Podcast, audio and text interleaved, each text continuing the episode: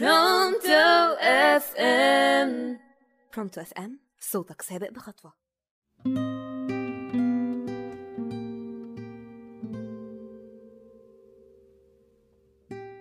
عشق السكندريين ونبض حياتهم. استكمال لحلقة ترام الأسكندرية.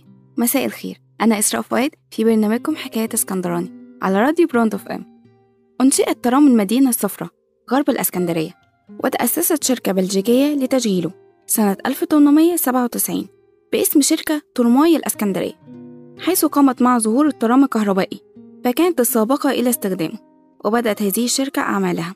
حين ظهرت ضرورة ربط أجزاء المدينة القديمة بشبكة من الخطوط لتربط بعد ذلك بشبكة ضاحية الرمل لربط المدينة ببعضها. وبدأت الشركة برئاسة المسيو دوج في مد الأسلاك الكهربائية في فترة من سبتمبر سنة 1896 وحتى أغسطس سنة 1897 وأقيم الاحتفال بتيسير العربات الأولى في 11 سبتمبر سنة 1897 بحضور الخديوي عباس حلمي الثاني. وكانت المحطة الرئيسية في مينا البصل أمام مبنى بورصة القطن حيث يتفرع منه ثلاث خطوط. يصل أحدهما إلى ميدان المنشية الصغرى اللي ميدان سانتي كاترين حاليا ويصل الثاني إلى منطقة المكس. والثالث يبدأ من شارع الميدان بميدان المنشية ومنه يصل خط رابع إلى منطقة الجمرك ومنطقة الأنفوشي رأس التين حاليا. وفي سنة 1897 بدأت الشركة سكة حديد الأسكندرية في ازدواج الخط ما بين محطة الرمل ومحطة بوكلة ليصبح هذا الخط هو الأساس الذي تطور بعد ذلك. ليصبح خط ترام الرمل الحالي. وبداية من 2 يونيو سنة 1898 قررت الجمعية العمومية للشركة أن تغير القاطرات. من بخارية إلى كهربائية. ولكن لأسباب مالية بالإضافة للتوسعات لدخول شركاء أجانب امتدت الشبكة تجاه الشرق حتى ضمت في سنة 1901 إلى جانب المحطة الرئيسية 12 محطة. ورجعوا لاستكمال عملية التطوير بعد مرور خمس سنوات.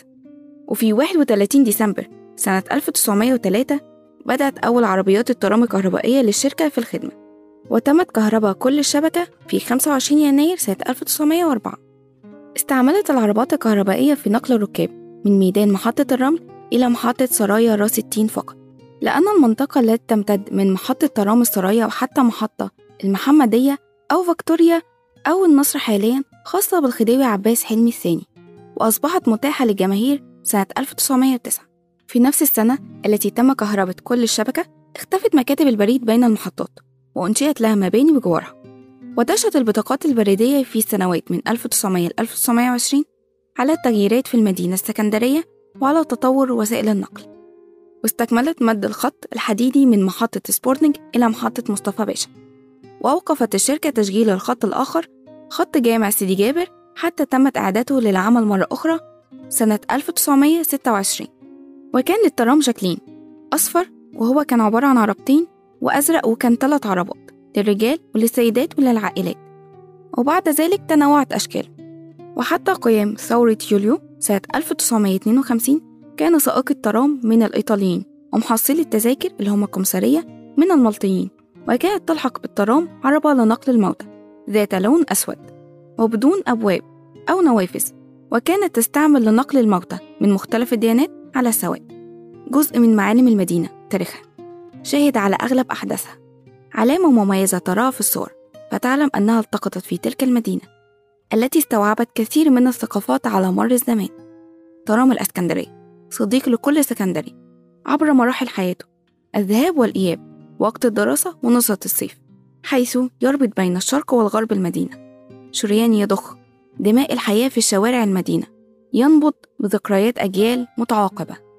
وبكده تكون خلصت حلقتنا النهاردة ولكن حكاياتنا وذكرياتنا لسه مخلصتش. استنوني في حكاية جديدة. كنت معاكم أنا إسراء فؤاد على راديو برونتو إف إم في برنامجكم حكاية إسكندراني.